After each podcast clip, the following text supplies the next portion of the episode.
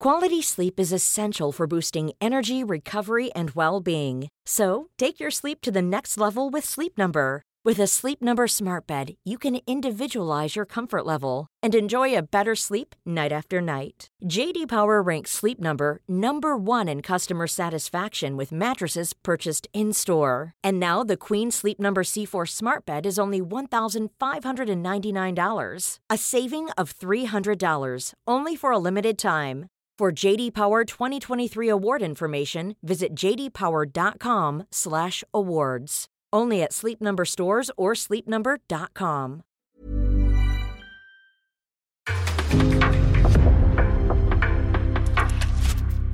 En podcast från Aftonbladet.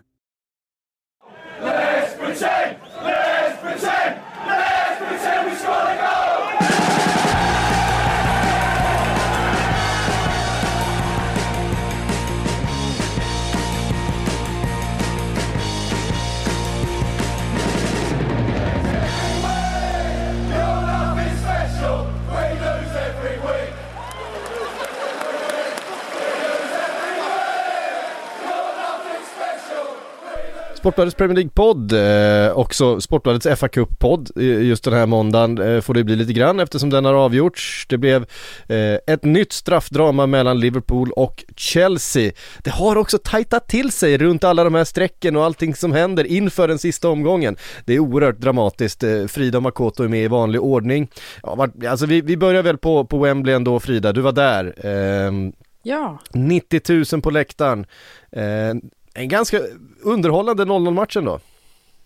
ja nej, men det var ju, för det första var ju inramningen helt otrolig, precis som du säger, det var fullsatt och eh, ja, det märktes att alla var taggade, det var fantastiskt fint väder också dessutom. Nu hade ju BBC flyttat avsparkstiden lite för att det inte skulle kollidera med Eurovision. Jag tror inte att de ångrade sig över detta när de såg att eh, ja, att UK lyckades skrapa ihop flest poäng av alla, vad var det, juryrösterna va? Ja. Det var väl den, det, det, det, var, det var den de vann, så jag tror inte att de är missnöjda över att ha, ha flyttat lite på eh, match eller avsparkstiden. Men eh, nej, det var en, eh, en, helt, en helt otrolig eh, tillställning egentligen. Det enda som man möjligtvis kan ha lite invändningar till är väl den här förlängningen. Den kändes lite onödig ändå. Eh, Alltså antingen hade man kunnat gå direkt till eh, straffar efter 90 minuter kändes det som. Alternativt då att matchen ju givetvis hade kunnat avgöras under de här 90 minuterna. Christian Pulisic nu säger jag Christian igen, det är, mina, det, det är efter hans tid i Tyskland, jag kan inte säga Christian. Nej. Christian Pulisic skulle ju såklart ha gjort något mål, Liverpool, alltså Luis Diaz hade kunnat göra mål så att just under de 90 Andy Robertson känns borde verkligen ha gjort mål. Han borde ha gjort mål. Han borde ha gjort mål. smällde, smällde i stolpen också så att det kändes ju som att det hade kunnat gå hur som helst egentligen. Men så står Liverpool ändå där i en straffläggning och eh, lyckas på något sätt vinna den också. Ja, det är, det är starkt även om såklart det är tråkigt för, för Chelseas del att ja, förlora tredje FA-cupfinalen här. Man förlorar i rad, Tuchels andra så att det är ju inte ett särskilt trevligt facit för dem. Det kan ju inte vara många gånger i historien som två, till att börja med att båda, samma lag har mötts i ligacupfinal och FA-cupfinal. Men också med 93, 93 senast va? Arsenal och Sheffield Wednesday. Men också med totalt fyra olika målvakter i straffläggningar. alltså det, det, det måste ju vara nästan första gången när, när du liksom byter, båda lagen har bytt målvakt i nästa straffläggning. Och du får ändå samma resultat. I slutändan måste vara lite fler räddningar. Man satt ju och var lite spänd ändå och undrade, ska Tuchel nu gå in, ska han stå fast vid sin princip och slänga in Kepa här? Jag tror att alla var lite halvt nervösa över det, men han bestämde sig ju för att inte, inte göra det till slut då. Det var väl lika bra. Ja det var nog lika bra. Ja. Ja. Nej men det är känslan. Det var också väldigt eh, noterbart och Jürgen Klopp pratade om det efteråt att de har ju tagit in ett eh, företag som sysslar med eh, sportpsykologi eh, att helt enkelt ta fram en rutin för straffläggning. Eh, och sen så såg jag att det var någon, eh, någon som jobbar med sportpsykologi på, eh, som skrev en lång tråd om det på Twitter. Och det märktes ju, för jag tänkte på det under tiden att det, eh, strategin var, det var alltid Allison tog bollen direkt efter och lämnade över. Han höll i bollen när eh, Chelsea-spelaren var på väg upp och gav den till Chelsea-spelaren. Han tog också bollen och lämnade över den till Liverpool-spelaren. Ehm, det var tydligt att de hade en rutin, alla visste vad de skulle göra under tiden för att eh, de hade helt enkelt tränat på, på straffläggningen och det är klart att straffläggningar eh, ni vet ju vad jag tycker om straffar, eh, att de alltid ska gå in eh, och att det är 100% bara ett mentalt spel och att, att eh, det går ju såklart att, att öva på. Men det är ju mind Ja, games det där alltså. också med just att bara Ja, lämna jag bollen. menar det. Alltså jag, jag, jag håller ju med eh, om det. Men så jag vill bara tillägga också att den här killen som, jag, jag tror att det är den eh, tweeten du syftar på i alla fall. Alltså han, han har ju en tendens också att ja, men vad, läsa in väldigt, väldigt mycket i Ja, det är han norr- norrmannen, va? Ja, minns jag inte riktigt, men Mm. alltså som eller jag vet inte om han är norrman, det är han kanske. Men alltså, hade det gått åt andra hållet så hade han säkert kunnat läsa in någonting annat av det Ja. också. Så att där kanske man får ändå, det är ändå en straffläggning. Ja, Det kan gå lite hur som helst. Aspilicueta och, och Mount, det är väl kanske inte de man tänker sig heller ska missa i, i första hand. Så att ja, Sadio Mané, han missade sin straff. Så att ja, det är ju små marginaler. Det känns väl inte riktigt heller som att Tuchel hade kunnat göra så mycket mer annorlunda. Alltså, I förlängningen satt man ju tänkte att oh, alltså, varför sätter han inte in Timo Werner? Han hade ju varit perfekt där och kunnat springa in bakom backlinjen. Men så visade det sig att även Werner var, var skadad och hade man- hade man inte Havertz då heller och Lukaku som inte levererade. Åh, det blir det ju ändå lite. Han har ju fått rätt mycket kritik Tuchel för sättet han, han gör sina byten. Eller alltså när han väljer att göra dem. Jag tycker ändå här att det är svårt för honom ändå att göra någonting annorlunda. De lyckas inte ha 0-0 mot Liverpool och ha flera vassa lägen under 90 minuter och sen så faller de på straffar. Ja, tycker det är tufft i alla fall att eh, ge honom skulden för någonting. Men tycker också, de, de straffar de missar här, stolpen, ja det, det, det är marginaler som är fel. Den straffen som Mount missar, det är en väldigt fin räddning av Alisson. Sen såklart, alla straffar som inte går i mål är inga bra straffar. Men samtidigt, titta på också så här, Reece James straff är något av det finaste jag sett. Alltså när han bara, bara, verkligen bara lättar in den i mitten. På så, här. Så jag vet ju inte om de, jag tycker inte att mind gamesen funkade egentligen så bra på, på Chelsea i den där straffläggningen. Det är, det är små, små, små, små marginaler, men jag tyckte inte det Ja. kändes som att Liverpool lyckades krypa in under skinnet på det. Nej, och jag tror att det var mer, eh, mer att ha en rutin. Jag tror det är det som, eh, det var det Klopp pratade om i alla fall efteråt, att de har haft det här företaget inne då som jobbar med det här just för straffläggningar. Eller Att, att man lägger ner liksom mycket tid och energi på de minsta detaljerna, något som egentligen är typ som ett lotteri där det bara är upp till den enskilde, liksom håller man för, för trycket på något sätt. Jag kanske ska nämna också att alltså där Liverpool flög ju verkligen ur startblocken och var extremt dominanta inledningsvis. Men det var väl egentligen när Salah blev skadad och byttes ut. Det var ju där det avtog lite grann och matchen blev lite mer jämn.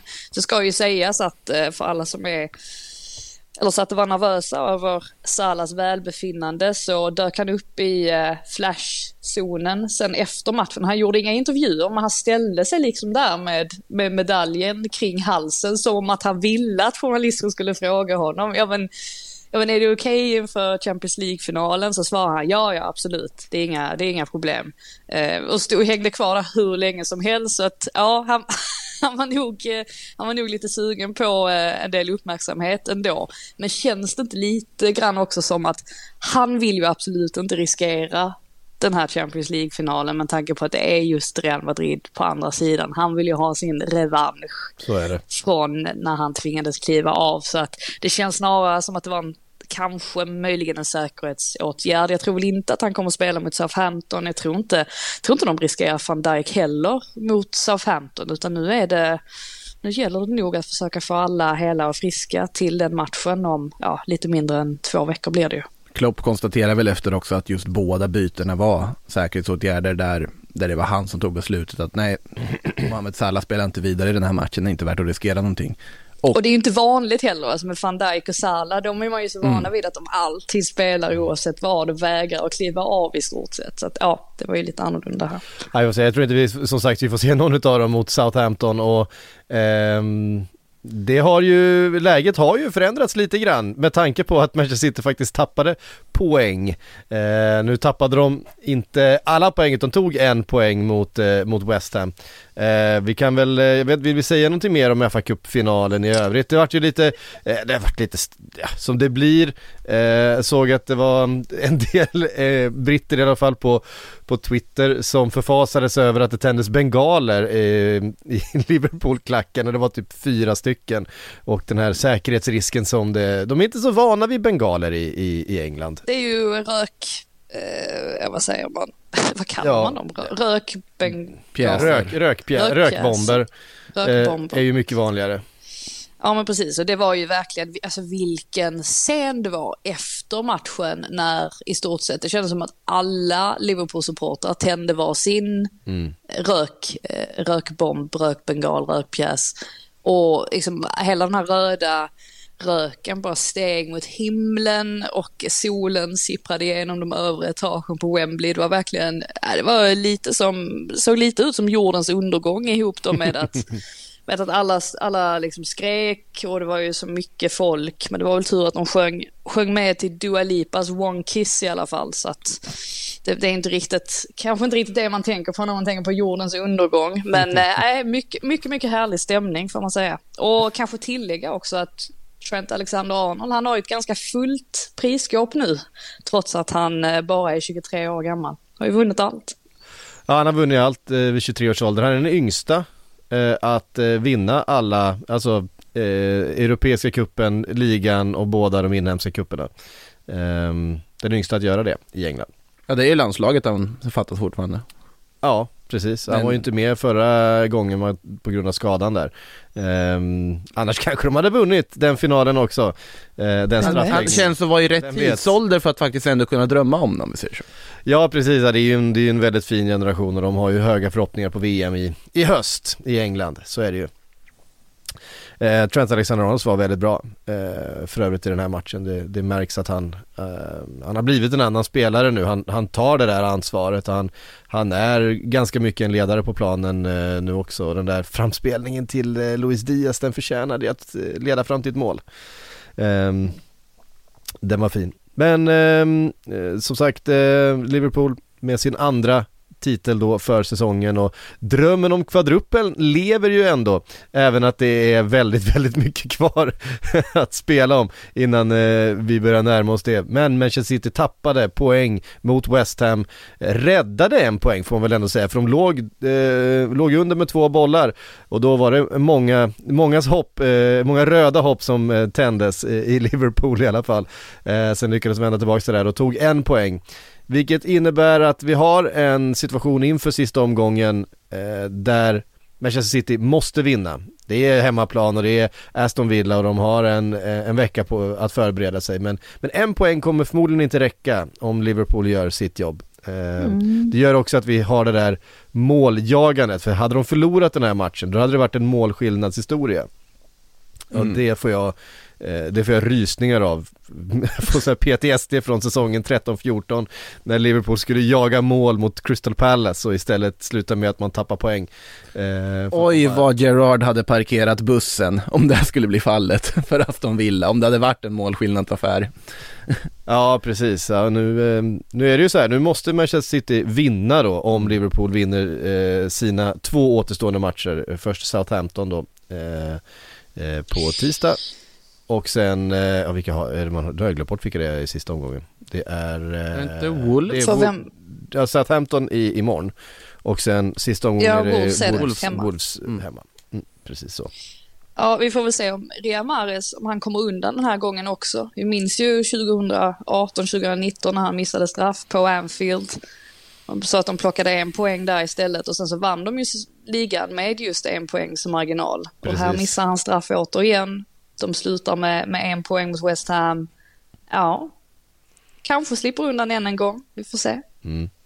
Uh, ja, det hade faktiskt kunnat bli tre poäng till eh, Manchester City där. Annars gör ju West Ham en väldigt, väldigt bra match här. De uh, har ju ändå lite heder kvar att spela för. Uh, de åkte ur Europa League, ganska snöpligt. Det finns ju Europaplats kvar att spela för, för West Ham och vi får se ifall den här, ifall den här poängen, vad den räcker till. Ja, framförallt så är ju, alltså Jared Bowen har ju varit väldigt bra under, under hela säsongen egentligen. Mm. Och eh, har ju spelat på en nivå som man kanske ändå inte riktigt trodde att han skulle kunna hålla sig på. Och eh, men här visar han ju också med sina, sina två mål att eh, han definitivt är ett namn för ja, men landslaget inte minst. Jag menar det är inte så många andra engelsmän som man eh, tycker är formstarkare. Eh, ja, alltså sett till de offensiva positionerna. Det finns ju, finns ju några, men ja, ni förstår vad jag menar. Han borde i alla fall vara en kandidat för eh, Gareth Southgate härnäst. Mm. Ja, absolut. Ehm, om vi... Kan eh, bara tillägga också att eh, prins Albert av Monaco satt på läktaren på London Stadium. Var, eh, ja, han är ju tydligen West Ham-fan. Ja, okej. Otroligt oväntat tilläggande i det här det sista. Ja, och, och, och dessutom att han är kompis då med Mark Noble som vi också får nämna gjorde ju sin Ja. sista hemmamatch. Absolut, Mark eh, Noble, den var ju, alltså den bilden på honom när jag sett den, han sitter på avbytarbänken Ja, där med men- tårarna i ögonen eh, Sista, sista eh, kvällen med gänget på något sätt eh, De har ju en match kvar att spela men sista hemmamatchen var det ju Ja, och så var det väl kanske inte riktigt det bytet man ville göra. Alltså David Moyes påstod ju i sin intervju efteråt att, att det var ett bra byte att göra med kvarten kvar, men jag vet inte ändå alltså. Jag, jag tror att han var lite nervös när han satte in Noble där. Eh, men han fick ett fint, ett fint avsked i alla fall och eh, det var ju skönt att eh, för hans del och för West Hams del att, att Fabianski lyckades rädda den där straffen. Var ju en, var en fin bild på honom också där när han, kanske lite stagead när han då i, i kostym därefter står och städar omklädningsrummet också efteråt, efter Men hans det sista. där, det där orkar inte jag med. Alltså vi kan, vi kan inte lyfta dessa fotbollsspelare för att de väljer att städa upp i omklädningsrummet. Jag tycker, alltså ibland går det alldeles, alldeles för långt. Jag förstår hela den här grejen med att Mark Noble är en fantastisk, eh, att han är en bra karaktär, alltså bra kille överlag. Han ska ju också vara, sägs ju också vara den roligaste i West Ham och sådär. Så att, ja, verkar vara en skön snubbe overall. Men han kan liksom inte, vi kan inte höja honom till skyarna för att han väljer att sopa upp lite skräp från marken. Alltså någonstans, det är ju, det är ju lite liknande det här med att varje gång en fotbollsspelare nämner att han läser en bok så blir alla så här extremt intresserade för att det verkar så Ja men det En verkar bok? så udda. ja. Ja, eller, eller skänker bort sin tröja efter matchen. Det är en sån otroligt generös gest. Du har redan tagit av dig den, du är på väg ut i omklädningsrummet. Du behöver aldrig använda tröjan igen, ge den till någon på vägen ut. Det är nästan, det är, alltså den vägen gör dem nästan en tjänst så de slipper bära den hela vägen till omklädningsrummet. Så behöver materialen hitta en ny tröja nästa gång också dessutom. De har ju alltid nya tröjor på sig, det är Ja, inte så att de här tröjorna tvättas liksom och används nästa match Nej, det är ju för sig sant. Det är ju för sig sant. Eh, Så ja, all, all heder till eh, Mark Noble, men någonstans får vi dra en gräns. Nej, jag, jag, håll, jag håller faktiskt i grunden med er liksom, och det säger jag från, som, eh, liksom, eh, vad heter det, med japansk nationalitet, men på att tala om ett landslag som alltid hyllas för hur de städar sitt omklädningsrum efter varje VM-uttåg. Det är alltid en grej om att titta hur Japan lämnar sitt omklädningsrum. Men det brukar ju vara med så här fina handskrivna meddelanden och saker, så det blir lite en annan grej kanske. Men det kan jag ju köpa, det är ju liksom eh, Så borde ju alla göra. japanska landslaget har ju inte så mycket annat att, att, att vara stolta över Eller alltid de här också videon på japaner som städar på läktaren, den är också en sån här klassiker som alltid dyker upp när det blir VM. Eh, nej men eh, Mark Noble såklart en, eh, en eh, Premier League-gigant ju. Eh, alla säsonger, allting som han har gjort, alla, alla löpmeter som han har tagit. Det är verkligen slutet på en fantastisk karriär. Det är ju sjukt ändå att han debuterade 2004. Så att jag tänkte lite själv på vad man gjorde 2004. Alltså man var ju inte ens, jo vid liv var man ju, men man var inte sådär jättegammal ändå. Det är, Ja, alltså. ja, det, är många, ja okej.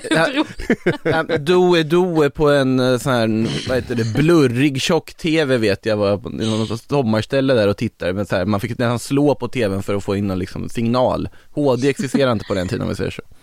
Nej. Nej, det är såklart en, eh, en eh, lång och imponerande karriär. Eh, James Milner hade ju redan två säsonger under bältet eh, vid det, Ja, han är ju... vid det laget.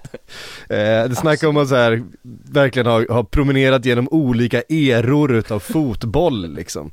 Eh, det var som en helt annan sport när han började spela där och nu Eh, nu kommer han in, vi kan nämna, han kommer ju också in i FA-cupen och det första han gör är att bara eh, mangla Reece James med en, med en tackling. Det, Mm. det, Jag- det är det han gör. Jag, jag tror att spelaren som vann skytteligan i FA-cupen, alltså det året som Milner debuterade var Nigel Jemson. Det säger ju ganska mycket.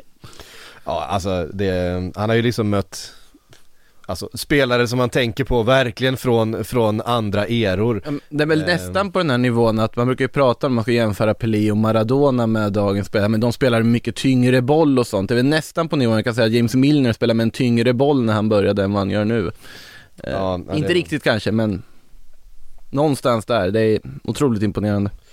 Ja, verkligen. Jag menar, han ställdes ju mot Martin Keown, liksom det Arsenal-försvaret. Eh, den typen utav spelare när han, och... när, han, eh, när han började spela. Det var liksom en helt annan, en helt annan era. Ja, eh, skitsamma. Vi eh, går vidare från eh, den matchen då och konstaterar när vi ändå är eh, i Arsenal att det finns mycket kvar att göra runt eh, strecket och kampen om fjärdeplatsen. Eh, Tottenham lyckades efter eh, Harry Kane satte straffen då, få med sig de där tre poängen eh, mot Burnley. Det var, det satt långt inne och det var en hård och tight match men eh, eh, oerhört tunga tre poäng och nu har Arsenal mycket att göra ikväll. Eh, I och med derbyförlusten dessförinnan ska I och med derbyförlusten, ja, precis. avhandlat här, men Nej, som vi säkert alla känner till. ja, eh, nej, den där derbyförlusten, alltså det känns som det är minuspsyke för, för Arsenal just nu Frida. Ja, med tanke på också att det, nu har jag inte statsen på det, men det känns inte riktigt som att de har varit särskilt bra i måndagsmatcherna den här säsongen, vilket gör att man känner ännu mer att det där kan gå hur som helst alltså. Tottenham har ju, man satt ju bara och väntade på det efter att de hade fått ytterligare en straff här som, ja men vid första anblick så är det med ganska Alltså, man kan inte säga heller att den straffen är billig. Jag, jag tyckte ju att straffen som de fick med sig mot Arsenal var direkt billig. Eh, och det, det står jag för. Jag, jag tycker att det är typ 20-25% straff och att ja, men, hade, hade Teni inte blåst då tror jag inte att VAR hade involverat sig eller att de hade inte gått in och, och försökt eh, ja, men, eh, ändra på hans åsikt kring det beslutet. Men däremot här i den Hansen de får med sig här, eller Hansen på, eh, på Barnes var det väl, Mm. som tar med handen. Alltså det, det, ja, det är ju straff att han håller armen i en onaturlig position. Sen kan jag ju förstå Burnleys frustration och jag var ju på plats på matchen och vi hade blivit tillsagda att eh, springa ner alltså fem minuter innan bara för att Tottenham skulle komma in och göra intervjuer innan de tog det här eh, Eh, ja, men avslutningsvarvet som de alltid gör under sista hemmamatchen. Och eh, jag kan säga att eh, det var inga trevliga saker som ropades efter Kevin Friend från, ja men det måste ju ha varit Burnley-spelare och staben. Ja, det var ganska, jag tror att de är, de är nog ganska glada över att det inte finns inte spelas in något ljud i den spelartunneln för att ja, han, han fick en del glåpord skrik, eh, skrikta ex- efter sig. Så att eh, de var ju såklart inte så nöjda med det beslutet men det var ju perfekt timing för Tottenham att få det där målet precis innan halvtid. Kunna lugna ner sig lite och jag menar Kanes straff är ju, på tal om det här med straffar och perfektion och sånt, det där är ju en straff ja, men av högsta kvalitet och Pope kastade sig inte ens. Och han sa eh, dessutom efteråt Pope att han, eh, nej men liksom han, han visste ju att det inte skulle vara lönt. Alltså Kane, Kane är ofta så skicklig på straffar att den ofta sitter ute i hörnet så att då var det bättre att stå kvar och eh, bara hoppas att han skulle försöka sig på någonting annat. Men eh, ja, det är sånt i livet. Pope gjorde ju ändå en bra en bra match i stort med många viktiga räddningar men eh, vi får se om det räcker för Burnley. Alltså det, nej, det är riktig eh, dramatik där nere i botten nu. Ja, det är... Eh, Everton kunde ha säkrat nytt kontrakt. Eh, väl? om jag inte Ja. räknar fel. Ehm, Om de hade haft fullt med folk på planen så kanske de hade haft en möjlighet att göra det. Ja, det var ju så här, det, det var ju verkligen en match där, eh, där känslorna liksom verkligen tog överhanden. Det, tidigt mål, Calvert Lewin, sen själv, och sen rött kort bara några minuter där, efter. lider, där kortet lider man ju för sig med backen också tycker jag. Alltså den situationen när det första är ändå en situation där Richarlison vill på något sätt ha domarens uppmärksamhet för någon form av misstänkt hands. Eh, lång chansboll upp, ingen är med på den, ja, målchansutvisning, tack och godnatt. Ja. Sen står de ändå upp bra sett till att de spelar med en man mindre på planen så pass länge, men ja. Ja. ork, man orkar ju inte. Nej men och sen så liksom självmål, ehm, sen får de en straff då, Richarlison sätter den och sen så är det två mål för Brentford och så är det rött kort igen. Alltså det var bara, det, det var en sån, ehm, eh, jag vet inte. Den satsningen från Rondon. Ja, Ja, det där eh, var mycket vi har sett det. men det är, så, det är känslor som bara inte, inte, in, inte klarar av att att, Nej. eh, hanteras. Ja men den är, Nej, men bå- både med Rob Holding och Luke Ayling och det tar aldrig slut på något sätt. Nej. De här eh, vansinniga. Och han, han förstod ju direkt, han bara joggade, joggade rakt av planen ju. Han, han visste att det där var, var, ingen, var ingen mening med att försöka ja, Det var tjafs. övertyga domaren om någonting annat. Det var bara att springa av. Ja, eh, du delade en rolig eh, statistik Frida, eh, flest röda kort Mm. per, per lag.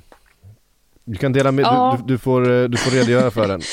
Ja men precis, alltså flest röda kort då i Premier Leagues historia efter denna vecka, då har ju Everton lyckats gå om igen. De låg eh, pyr till där på första platsen ju, eftersom att Arsenal, eller Rob Holding tog ytterligare ett rött kort så att de landade på 102.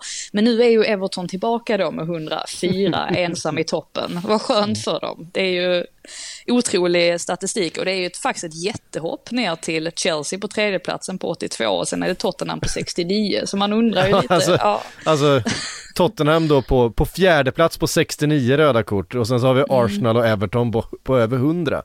Mm. Ja. Eh, så vi kommer ihåg att eh, för Arsenals del så har ju alla de 100 kommit sen Ar- Arteta klev in.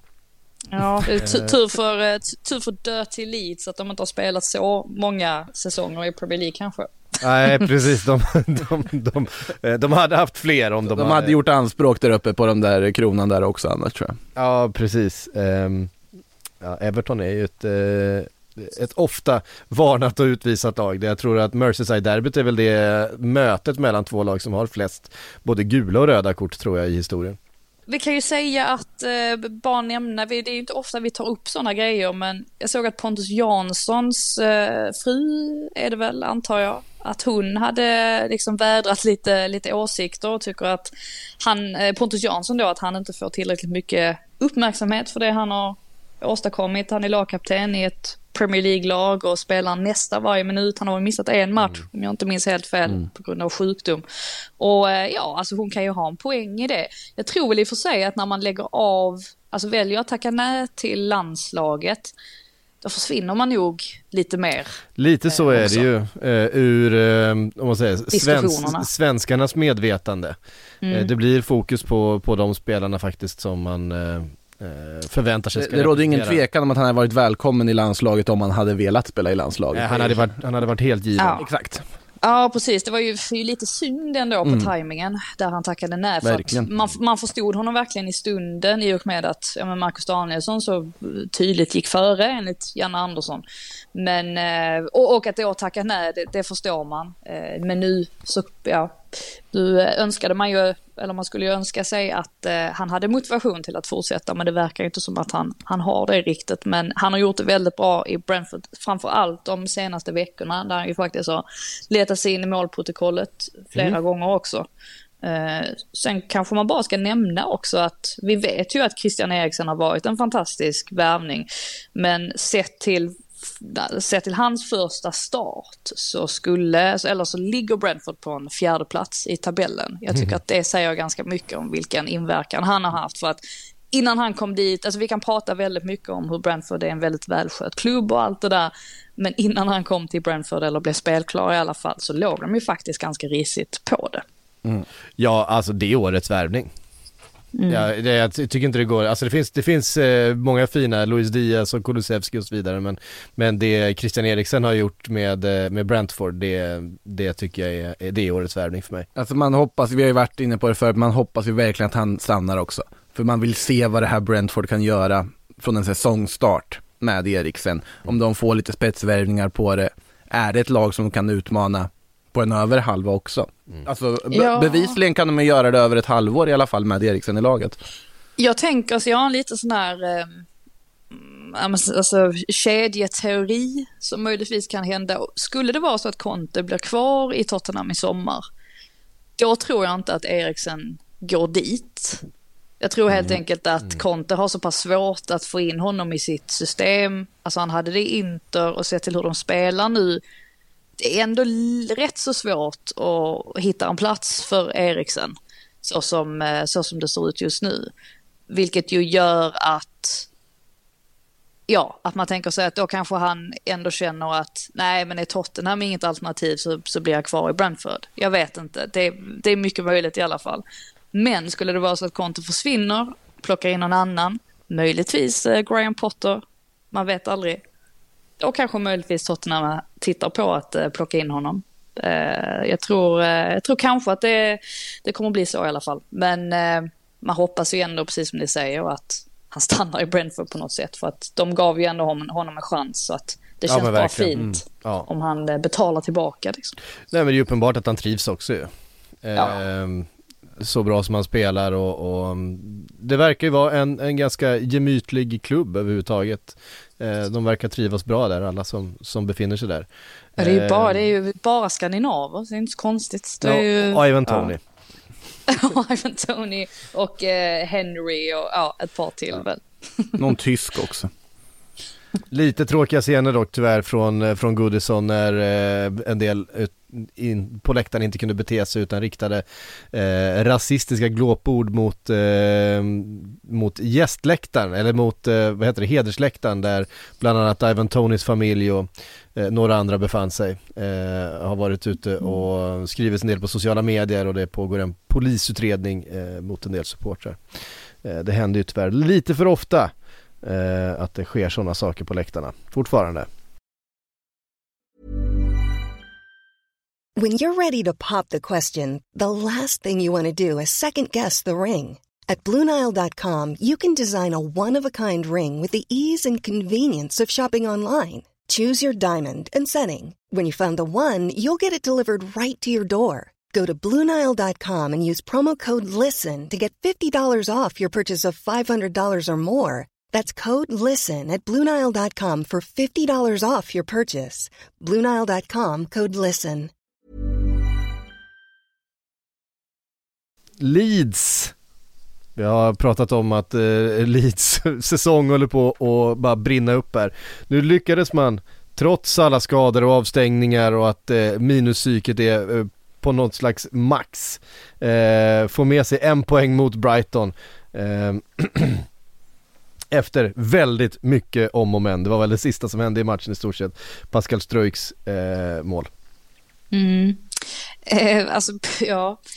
Återigen kommer jag inleda med Jesse Marsh och vad han sa på presskonferensen efter matchen. Det är där man alltid börjar nu med Leeds, men det han sa nu retade ju upp ganska många supportrar och det var ju att han refererade alltså till matchen som en seger.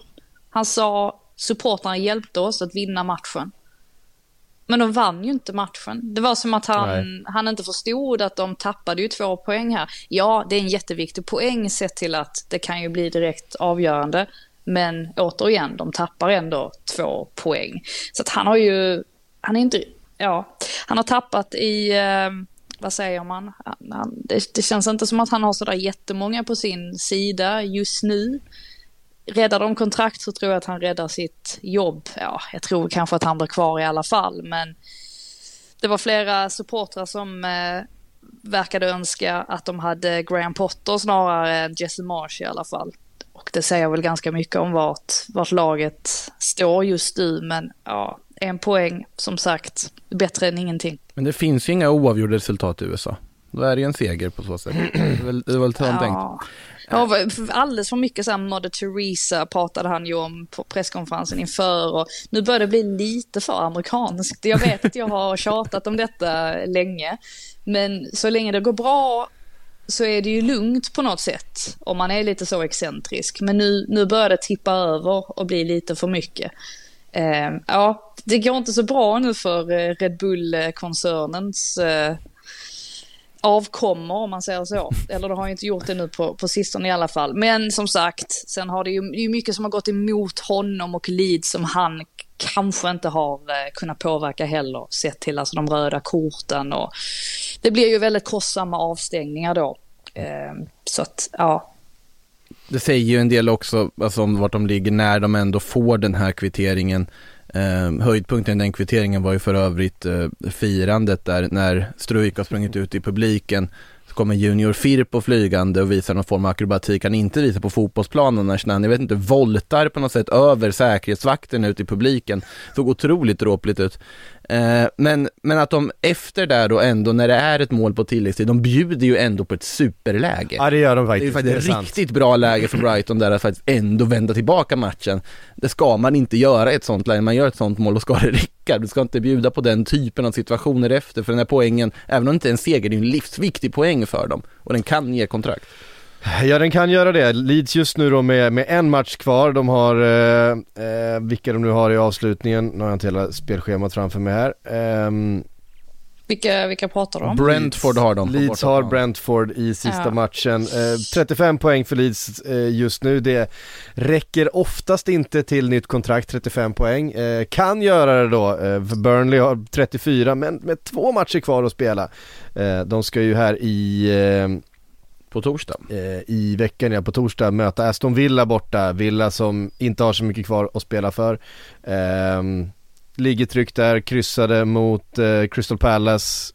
Kändes som två lag som är rätt okej med situationen just nu. Villa hade såklart velat landa lite högre med tanke på investeringarna i den truppen och så vidare men, men tror att man eh, ändå är helt okej med tillvaron och, och Crystal Palace likaså. Um, och Burnley dock måste, som- måste nog ta Ja, Mm. de behöver ju minst ta eh, två, två poäng eh, på de här två matcherna eh, med tanke på att man då också eh, Nej man har bättre målskillnad än De har ju Leeds, såklart. 20 mål Ja, bättre målskillnad än mycket Leeds. bättre- Mycket bättre målskillnad än Eh. Leeds Så att det kan räcka med en poäng om eh, Ja det är, det är oerhört tajt i alla fall och Everton är ju inte ute ur eh, skogen här nu på grund av den här förlusten Men eh, Och de möter Crystal Palace. så de, att de då- möter Crystal Palace De har ju väldigt deras- stor inverkan vad Crystal Palace och Villa gör i alla möjliga strider här i slutändan. Ja, alltså det är klart att en, en seger så är de säkra Ehm, De har två matcher kvar, de också Möjligheten, jag tror att Everton borde lösa det här Jag tror att det handlar om Leeds och Burnley men ehm, Inget är som sagt klart eh, Nej, och det är ju också vanskligt för Everton att möta Arsenal i sista omgången också ju. Så Ja, att det kan ju mm. bli, eh, ja, det kan ju bli avgörande där för, för båda lagen. Det var ju en situation också som Mikael Arteta absolut inte ville ha, för han vill ju inte köra, köra ut Everton, eh, sägs det. Med Nej. tanke på den historiken han har i, i, i den klubben. Men, men precis. vilka, vi, vilka ser ni helst åker ut? Om man får vara så fräck. Jag är rätt trött på Burnley. De kan, de kan gott eh, få ta en vända ner i Championship. Jag tror att Burnley, med alla de säsongerna i Premier League som man har nu, med den alltså, truppen man har kunnat bygga under de här åren så, så tror jag att de kommer eh, klara sig rätt bra. Fallskärmen finns där, de kommer... Nej, det gör det inte. Nej, Det det de, har änd- de har ändrat systemet ju. De, Nej, men Eh, eh, problemet för dem är ju att, och återigen, vi har pratat ganska mycket om Alan Pace och jag har alltid tyckt Mm. att, eh, ja, att det har varit någonting, eh, alltså fuffens kring honom. Och eh, grejen är ju att när de tog över majoritetsägarskapet så tog de ett oerhört, oerhört stort lån.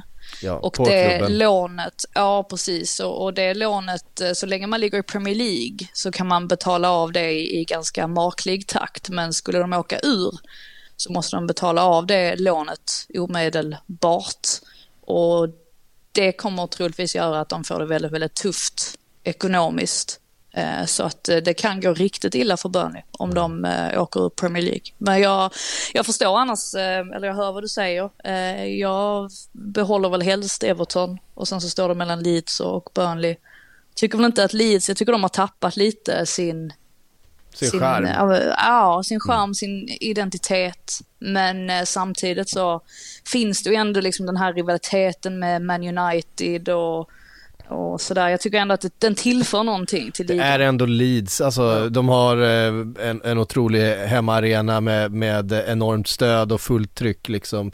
Eh, de, ja. de tillför definitivt någonting till, eh, till mm. Premier League. Sen har vi sett Burnley under många år nu i, i ligan. Eh, ska man, no, lite skit ska man ju ha för att man sparkar Sean Dyche också. Ja men faktiskt, det är lite så känner jag också exakt. Eh, all, alla tre lag har ju på något sätt sin skärm, jag håller också med om att, alltså så här, Ja, men Everton, His, Everton måste vi ha i Premier League. Ja, ja det, vi måste ha de derbyna och jag tycker också, precis som du var inne på Frida, Leeds, rivaliteten som ändå finns där, det är en klassisk klubb som man också längtade efter att få upp igen när de var borta. Mm. Då tycker jag man kanske gärna vill ha kvar dem också. Eh, I och med att det ändå var en klubb som vi väldigt gärna ville få upp när de inte fanns där. Eh, men sen, där sagt, jag har ingenting mot Burnley, jag tycker att de tillför tillför med sin egen stil på något sätt och man hör ekonomiska läget så blir man ju väldigt orolig för dem såklart men av de här tre så väljer jag nog också Burnley. Mm. Um, ja, Eh, vi eh, tittar lite längre upp i tabellen då för att det pågår ju, det pågår ju precis runt alla streck eh, fortfarande strider om vem som ska ta positionerna. West Ham, Man United krigar ju om den här Europa League-platsen. Det kanske inte är något som Manchester United-supportrarna är så, så peppade på men jag vet att för West Ham-supportrarna, deras äventyr i Europa, om man hade kunnat lösa Europa League till nästa säsong igen så vet jag att då hade, då hade man kunnat ta någon slags revansch. Man man hade, man hade omfamnat det. Just nu är man på Conference League-position då, West Ham. Och det är väl till och med kval till Conference League. Kval till och det är ju också en aspekt som är att, även om United-fans kan ha svårt att tagga igång för den här sista matchen mot Crystal Palace, att, tapp, att hamna i Conference League istället och sen då behöva börja kvala i juli. Eller vad det nu blir. Jag vet inte exakt hur kvalsystemet kommer se ut, men jag vet inte om det är den typen av matcher United vill ha och inleda säsongen med och framförallt vill de överhuvudtaget till att spela i Conference League Eh, alltså, som sagt, vi var inne tidigare på att det var ju en otroligt lyckokast för Tottenham att bli utkastade ur turneringen. Eh, det hade väl nästan United hellre velat bli redan, liksom lämna VO redan innan. Eh, än att spela i en sån turnering, för det känns som att om Europa League är skadande för självbilden, vad är då att spela i Conference League mm. i sånt fall? Vi kan väl slänga in då när vi pratar om eh, just det här strecket en Eh, Eh, en fråga vi fick från Joakim Johansson. Han skriver, prata om Manchester Uniteds förfall. Det pratas om spelare som inte vill spela sista matchen, om bråk på träningsplanen. Eh, det pratas om spelare som är allmänt otrevliga mot personal inom klubben. Eh, vad händer? Alltså det är ju sånt ehm, det, det, den mår så dåligt den klubben just nu och man trodde ju inte att den skulle kunna må sämre än vad den gjorde för ett par säsonger sedan när, när Mourinho lämnade och Ole Gunnar tog över, när det var bråk överallt och det var liksom förgiftat men nu, nu står vi här eh, och situationen är faktiskt ännu värre. Ja, det är ju riktigt meltdown får man ju eh, lugnt säga. Nu är ju Ten Hag, nu, han anländer till Manchester idag och kommer eh, ta tag i hela situationen som han säger. Eh, han menar att det är många att det krävs en detaljerad analys av eh, klubben och eh, det kan jag ju hålla med om att det gör. Nu har ju mycket av diskussionen cirkulerat kring huruvida Ronaldo kommer att bli kvar eller inte. Alltså just nu känns det väl som att han, han ändå blir kvar. Eh, sen mm. har han väl, alltså de citaten som han ger också, det är inte så att han slår fast att han kommer vara där nästa säsong, men det kanske mer är han själv som vill hålla den debatten lite vid liv, om ni förstår vad jag menar. Mm. Alltså ge en liten, ja, men, liten dramaturgisk twist på det. Men eh, både Ten Hag och Ronaldo verkar ju positivt inställda till varandra i alla fall. Så att ja, det är ju det är en sak i alla fall eh, som, eh, ja, som, som, verkar ljus. Men eh, nej, det här är ju deras sämsta, oavsett hur det går nu ju i, i sista omgången så är det ju deras sämsta säsong sen Ja men det är David, alltså en David Moyes säsong mm. där ja. Um, året efter Sir Alex, så att det, det säger ju ganska mycket om, om var de står och ja, hur lite de verkar bry sig nu om, om situationen, spelarna som är kvar. Jag blir det inte tre poäng här så Ja då, om Är det West Ham sen- vinner så, Ehm, ja men om United inte tar tre poäng eh, i sista omgången då är det sämsta, sämsta eh, poängmässiga säsongen sedan 80-talet. Nej jag, jag, tänk, jag tänker mest på, vad heter det, att just den här Europa League Conference League-dragningen är viktigare än man kanske tror till nästa säsong. För West Ham tror jag det betyder jättemycket. Ja, jag de, de, har, de, har ju ganska, de, har, de har ju ganska eh, liknande sista, sista matcher va? Eh, West Ham ska till Brighton och eh, United ska till Crystal Palace. Två svåra matcher men det är två, två lag på stranden som eh, om man vill tillräckligt mycket. Här är en match som går att, att vinna på vilja med den som har mer att spela för. Eh, kan Manchester United trumma ihop eh, en sista ansträngning för den här säsongen? Ja, det är väl det som är den stora frågan. Är det, är det sånt är det sån stämning som det, som det rapporteras om? Vi har varit inne på till exempel att Edison Cavani, han var så besviken över att de värvade Ronaldo från början att han sa att han skulle aldrig skrivit på om man hade vetat att Ronaldo eh, skulle ansluta. Ehm, Ja. och att han har varit en av dem som har varit absolut mest missnöjda med eh, det som har hänt den här säsongen. Men det finns ju många andra också. Vi har ju spelare som Paul Pogba som har hjärnan någon helt annanstans. Han ska inte vara kvar. Lingard. Lingard eh, är ju bara besviken. Ehm, Den enda som inte är besviken, är väl, alltså den enda som är nöjd kanske med den här säsongen är väl typ Anthony Elanga. Som ändå har fått sitt stora genombrott och ja, har ju ändå liksom mycket positiva aspekter att titta tillbaka på. Men eh, ja, i övrigt så finns det väl inte så mycket mer. Eh, David de Gea har ju varit stabil. Det är väl det. Här måste du ju spela också, här ska du ju rakt av spela spelare som kommer vara kvar, spelare som har någonting att bevisa, spelare som behöver visa upp sig för sin nya tränare som precis har kommit in här nu då och kommer väl se den här matchen på plats såklart. Eh, för att ja, de, de behöver hitta någonting för att vinna den här matchen och få någon form av någon form av litet halmstrå att ta med sig in till nästa säsong. Det, det råder ingen tvekan om att de behöver i alla fall. och faktiskt det, om vi tittar ännu lite högre upp, faktiskt är att Chelsea är inte klara för topp fyra heller. eh, de behöver ta minst en poäng på de två avslutande matcherna, vilket de såklart kommer göra. Men, eh, men eh, det är ändå roligt att eh, Chelsea som ändå har befunnit sig där, det är, vi är faktiskt inte med eh, eh, så här lite kvar av säsongen matematiskt färdiga för topp fyra än. Det hade varit förödande om de skulle missa den. Ja, och där vet man ju inte heller. Ja, du säger att ja, det är väl klart att de kommer eh, vinna de matcherna eller ta poäng. Det räcker men med vad- en poäng. Ja, Det räcker med en jo, poäng med tanke jo, på att de alltså har är ju- målskillnaden. Watford är ju helt under isen så där, Mm. alltså blir det inte tre poäng där så då, då flyger ju grisar liksom. Då är det ju... eh, Om då det inte ju blir en poäng, då, Ja, om det blir inte en poäng då, eh, då är det riktigt, ja, då, får, då, måste, då måste de resa en staty över Roy Hodgson. Eh, trots eh, det i övrigt eh, ja, väldigt undermåliga eh, resultatet som eh, han har fått med sig. Men nej, eh, men, men Chelsea, där är man ju också intresserad av att se vad som händer i sommar. Mycket som kommer hända. Alltså nu, nu har ju spelare bekräftat också att de lämnar som Rydiger, Christensen. Där finns också en del att göra. Ja, verkligen. Och nu, eh, Todd Bowley, jag vet inte när det, är klar, när det blir klart allting. Eh, En köpet. vecka ska det väl, En vecka. Ja, jag tror det. det ska godkännas utav den här kommittén som släpper igenom det mesta. Eh, det där fit and proper eh, testet eh, ska han väl bli godkänd av också som, som ägare. Vilket han såklart kommer bli. Ja, vi har vissa föregångare som du kanske var inne på där som har klarat det här testet. Som. Ja, precis. Det blir intressant att se Newcastle i saudiska landslagströjan eh, nästa säsong, bland annat.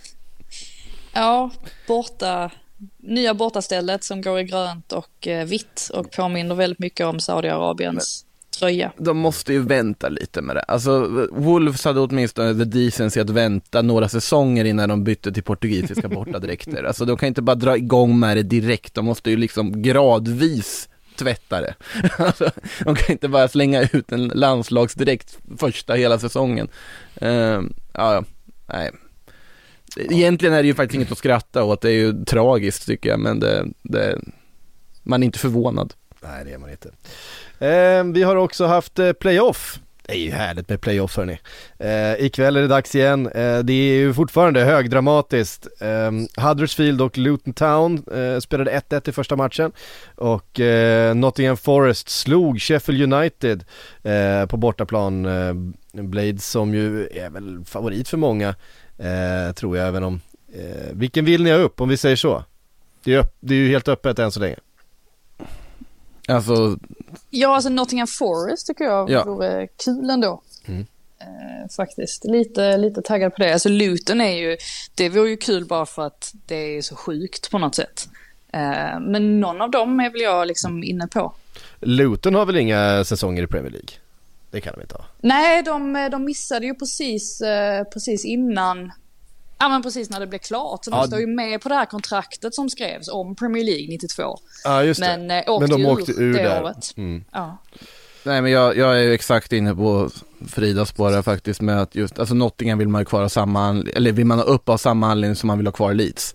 Alltså det är en klassisk klubb som man ändå saknat och vill se vad de kan åstadkomma om de får en ny chans i högsta ligan. Och, men samtidigt, det hade varit kul med Luton också. Det hade varit kul med Luton och då blir det väl Sheffield United tillbaks igen då som vi, som vi, som vi känner. Ja, det, det är Eh, Huddersfield som hade momentumet in i, i det här playoffet. Jag skulle se dem som lite alltså, små favoriter egentligen. Jag tror att Huddersfield är ju favorit i mötet mot Lut- Luton, även om det blev 1-1 där så har man nu hemmaplan för, eh, för Huddersfield. Eh, känns som att, ehm, ja men de kliver in i det mötet som, som favoriter och sen så, så har vi ju då den sista avgörande matchen på, på Wembley mellan eh, vinnarna utav de två semifinalerna då. Det, ja, det är alltid, alltid oerhört eh, dramatiska och spektakulära fotbollsmatcher. Eh, inte alltid jättevälspelade. det ska men- det ju inte vara. Men med tanke på liksom så här, om man gillar, om man gillar fotboll med känslor, eh, vilket man ju gör, alltså ta den här Everton-matchen till exempel, var ju inte den mest välspelade men oerhört underhållande, eh, eh, Everton-Brentford. Ehm, Sen har ju domarna en tendens att tillåta lite mer i de här playoff-matcherna. Man ser ju tacklingar som normalt sett blåses av och ges kort för, eh, ändå accepteras. Eh, jag vet inte varför Rondon det hade nog inte kommit undan ändå. Nej, eh, det, det hade varken Eiling eller Rondons eh, tacklingar från de senaste veckorna eller Dan James för den delen eh, hade eh, kommit undan men jag vet inte, det är högt, högt tempo, det är mycket andra och tredje och fjärde bollar som det kampas om och det tycker jag är ganska underhållande. Ehm, vi ska se, vi ska ta och eh, kasta in lite frågor innan vi knyter ihop för idag. Ehm, vi kan ta en från Atwa. 43 mål av Mitrovic i Championship denna säsong. Vad kan han åstadkomma i Premier League nästa? Ja, Han gör väl en 14 och sen åker fulla muren då? blir han kvar i Fulham då Frida? Ja, nej men det, ja, men det tror jag väl. Problemet är ju just det där med att ta steget från Championship till Premier League. Att det, men vi har ju sett tidigare anfallare som har öst in mål i Championship inte göra riktigt samma sak i Premier League. Nu har Ivan Tony, alltså han inledde starkt och sen så försvann han lite där i mitten och sen så nu har han spottat upp sig igen på, på sistone. Men han har ju inte öst in mål på det sättet som han gjorde i Championship. Vi hade ju oerhört höga krav på honom. Men Mitrovic så gäller det väl bara att man försöker utnyttja honom på främsta sätt. Nu kommer de ju tappa Cavallio i, i sommar.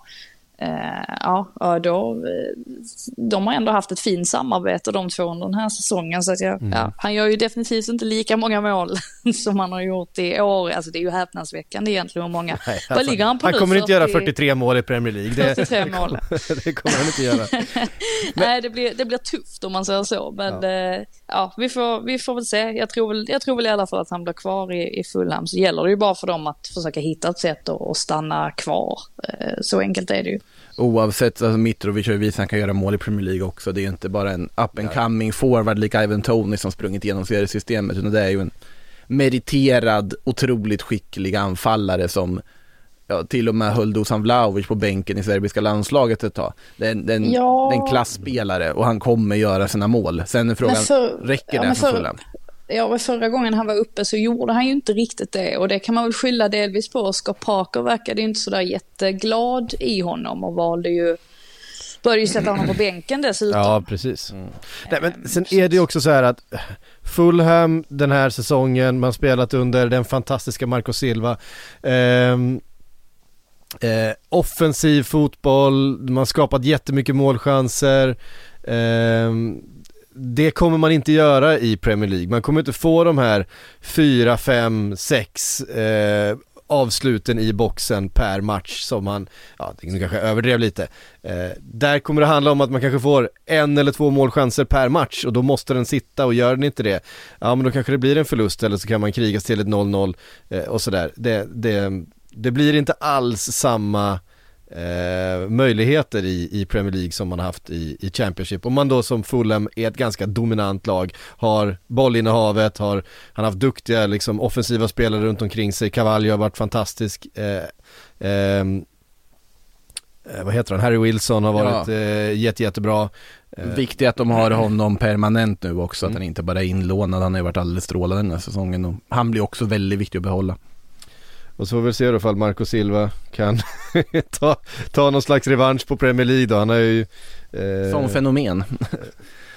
ja. Han har ju ehm, gjort ett par vänder och det har inte gått alltid superbra även om han har ehm, Han började ju bra en gång i tiden. började bra i Hall en gång i tiden. Eh, får jag anledning att prata lite Marco Silva också eh, i Premier League-podden under nästa säsong. Ja, skönt. Det tycker vi om. Eh, Jonathan eh, Alfons skriver eh, säsongens 11 utan Liverpool och City-spelare. De är i sin egen liga. Eh, ja det är lite intressant. Ta en, en målvakt inte som inte är någon utav dem. Ta detta på uppstuds så här. Ja men vi kan väl göra det lite, Får man ta ut en United-spelare trots deras? man får ta ut För då, det då, tänker jag, då tänker jag ju de Gea. Ja, Alltså jag... Eller Ramsdale. Mendy. Ja, precis. Mm, jag är det- lite inne på en, en, en, alltså, en som kanske sticker ut lite är José Sa. som Ah, i jo, för José Sa har vi ju. Det är sant. José Sa. Ja men vi tar José Sa då, det är, det, det, det är ett kul. Högerback Reece James, det tycker jag inte finns eh, mycket att prata om. Eh, Han har varit skadad mycket dock ju. Han har varit skadad men också Han har ju varit löjligt bra när han har väldigt, väldigt, väldigt bra. Eh, han, var ju, han var ju grymt bra i, i, eh, i höstas också. Um, Rydiger kanske också. Rydiger ska ju in som mittback, det tycker jag absolut. Tycker, tycker Thiago Silva är före, före Rydiger. Ja, det, det, det tycker jag också. Det kanske är, det kanske är en Chelseas, Chelseas backlinje eh, rätt upp och ner. Eh, inte vänsterback då kanske, utan då får vi slänga in, ja vad har vi för vänsterbackar? Det är, ju rätt, det är ju som sagt det är rätt svårt det här på så uppstuds. det är det roliga med det. Vi ska, vi, vi, efter. efter säsongen kommer vi ta ut lite mer eh, noggrant utvalda eh, Matt elvor. Target. Nej, Alltså hade, man önskar ju att Chilwell hade hållit sig skadefri. För Mm. då eh, känns det som att det hade blivit han. Men eh, Kukureya. Kukureya slänger ja, vi in till vänster. Han får vi Han, han, får ta vänsterkanten, Ja. rakt av. Yes. Mm. Eh, vad ska vi ställa upp då för, eh, för eh, 4-3-3 eller? 4-3-3, då ska vi ha en defensiv mittfältare. Tycker- Bissoma, Ward Ja. Prowse. Är inte defensiv men... Gimaraes är inte en Ja, dålig shout. Ehm, Han är ju mer lite överallt i och för sig. ja, Thomas. Partey varit för skadad. Thomas Partey har varit bra. Uh, definitivt. Sen har ju, ja. Jag tycker ju Ward Prowse ska in på Alltså, en av de det- tre. Deck, Declan Rice måste Ja, Declan Ah. Rice ska ju in såklart.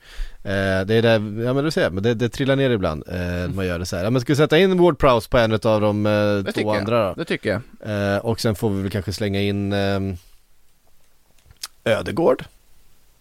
Absolut. Ehm, ja, vem ska vi ha då? Alltså James Madison har ju varit bäst i Leicester kanske. Och Mm. Leicester har kanske inte varit så bra. Men eh, hade ju i alla fall en, ett alternativ. eh, Gallagher. någonstans. Gallagher är ett alternativ. Ja. Mm, skulle kunna vara där. Eh, och så har vi en fronttrio. Bukayo Saka. Bukayo Saka ska in där, det tycker jag också. Harry Kane ska in där. Um, Son måste in. Heung-Min Son. Heung-Min Son såklart. Ja, det är väl den. Får, får man inte in Kulusevski? Ja, nej. Nej, jag tror inte vi får in Kulusevski faktiskt. Eh, nej. Tyvärr. Ja, där hade ni det. Ehm, ja, det, det är lite intressant ändå. Och, och Det är alltid välja kul bort. att ta ut lag spontant tycker jag. Det är ju, det är ju trots allt så att eh, Manchester City och Liverpool är ganska överlägsna den här säsongen eh, i ligan. Så ska man ta ut en, en elva så blir det ju onekligen eh, ganska mycket Liverpool och City-spelare. När vi ska ta ut den riktiga försäsongen då, därför kan det vara kul att göra eh, den här eh, lite på uppstuds. tycker vi ska kukurera den riktiga också.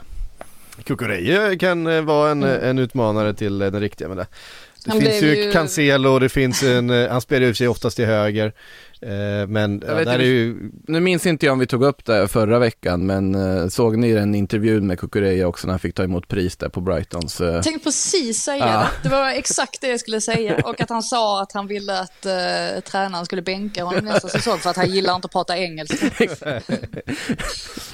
ja innan vi rundar av det härifrån då så ska vi också ehm, Eh, pratade lite grann om att damernas FA-cup också spelades i helgen, den finalen. Eh, där hade Chelsea lite, lite mer eh, studsarna med sig och eh, besegrade Manchester City med tre mål mot två Frida och en eh, dubbel för Chelsea som fortsätter att vara eh, dominanta i den engelska eh, fo- fotbollen.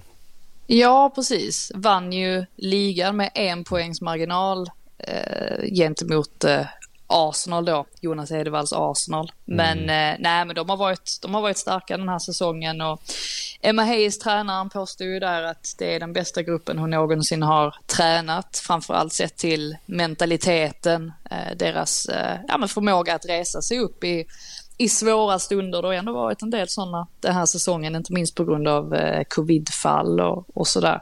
Och så eh, fick de ju vinna här då i förlängningen mot eh, Man City också. Ehm, så att, nej, nej, men eh, starkt. Jag, jag reagerade på en sak som hon sa, för att vi har ju tre svenskar, ju Magdalena Eriksson, Jonna Andersson och Zecira Musovic. Och Hayes sa på eh, sin presskonferens efteråt att hon alltid visualiserar in, alltså dagen innan, alltså när hon ska gå och lägga sig, hur matchen kommer att utspela sig och påstod då att hon hade visualiserat att de skulle vinna i förlängningen. Och att hon hade sett Magdalena Eriksson och Jonna Andersson stå och prata med varandra och utbyta, ehm, ja, där var det så eh, snacka taktik liksom. Och jag tyckte bara att det var lite roligt för att, ja, då, fick vi in liksom en liten eh, svensk aspekt av det hela, för vi kan ju anta att de i så fall pratade svenska med varandra i hennes dröm. Så att Emma Hayes är duktig på att visualisera och eh, hon är ju eh, en otroligt framgångsrik eh, tränare får man lugnt säga. Ska ju säga att det var John Anderssons sista match i Chelsea-tröjan också och fick avsluta på ett fint sätt hon är ju klar för Hammarby flytt till sommaren. Just det. Det har ju inte skrivit lika mycket om det kanske men det är också Startade inte va? Jag tyckte jag, jag såg inte Nej, starta. hon hoppade in. Ja, hon klev in. Men det är ju också, alltså det pratar ganska likt om de spelare som fått lämna Chelsea här nu och inga förlängda kontrakt. Det var ju bland annat hon sydkoreanska trotjänaren som man har i truppen som inte får förlängt och jag grät ju där på sin Mm. avskedsvideo So Yun Ji. Eh, det är ganska många sådana kontrakt och inte heller kunnat förlänga i och med den sitsen klubben sitter i. Sen kanske till exempel Jonna Andersson hade flyttat hem oavsett och J också flyttat hem till Sydkorea oavsett. Men samtidigt, det är ju en hel del trotjänare de tappar inför nästa säsong. De behöver ersätta. Mm. Ja, men eh, såklart Chelsea, Chelsea är även påverkade på damsidan av stöket som har varit runt klubben och, och vad som ska hända med kontrakt och så vidare. Eh, Sam Kerr är ju eh, oerhört viktig för det här laget. Eh, som liksom den stora målgöraren och, eh, och superstjärnan. Men nu ska ju Många förväntar sig att Chelsea ska vara laget som kanske jagar ikapp Barcelona på sikt eh, med pengar men man, man är en bit ifrån. Eh, Ja, det är man. Men eh, jag tror att det man främst behöver det är mer er- erfarenhet för att pengar har de. Det är stora klubbar. Nu kommer ju Liverpool upp också i, till nästa säsong. Så att pengar är ju inga problem ändå för engelsk fotboll utan det handlar mer om att ja, men få erfarenhet. De unga spelarna som kommer upp nu de, de blir ju behandlade på ett väldigt professionellt sätt. Det var inte sådär jättemånga år sedan som spelarna här i Women's Super League eller i engelska högsta ligan som de kanske tränade tre gånger i veckan och spelade match på helgen. Medan då i Sverige samtidigt i, damallsvenskan så tränade man som, eh, ja, men som, som riktiga elitspelare så att det, det är mycket som har hänt här på väldigt, väldigt kort tid så att ja, jag tror att det bara är tid man behöver. Sen så kommer man säkerligen vara den bästa ligan i världen utan tvekan om ett par år. Eh, men eh, Ja, nej men så är det. Jag är inte så, jag vill bara, jag, jag är inte så glad i Sam Kerr. Alltså hon är en fantastisk spelare och gör eh, många otroliga mål, inte minst där i sista omgången. Eh, när hon liksom plockar, det var ju, det var ju Puskas, värt en Puskas-nominering när hon plockar ner bollen på, eh, på bröstet, alltså felvänd och sen vrider sig och drar till på volley. Men det är någonting med, med hennes eh, stil som anfallare som inte riktigt faller mig i, i smaken. Jag kan inte, nästan lite så här eh, Luis Suarez Eh, ja, över henne. Usch, nu måste jag ju förklara mig vad det är också. Det, jag, jag slutar prata nu. Jag, slutar. Men jag, jag, fatt, jag, fattar vad du menar. Alltså sen är det också så här att eh, vi blev väl också skadade av att se Sam Kerr möta Sverige liksom oberäkneligt antal gånger förra sommaren. Mm. Och det var liksom alltid fokus då på hur ska man stoppa Sam Kerr och det vart för lite liksom för mycket ett tag när de mötte Australien både inför OS och två gånger under OS. Det vart väldigt mycket Australien där. Men hon är ju fantastisk. Ja, det är hon, ju, det är hon ju. Men det har varit väldigt mycket Sam Kerr också, över hela liksom, svenska landslagets väsen också. Jo, eh, jag menar mer själva spel... Jo, ja, spelsättet fattar ja men den, ja. den här ettriga, ja, men jag, jag, jag, jag förstår det också. eh, jag tänker det är bäst, bäst att sluta prata innan man har sagt för mycket.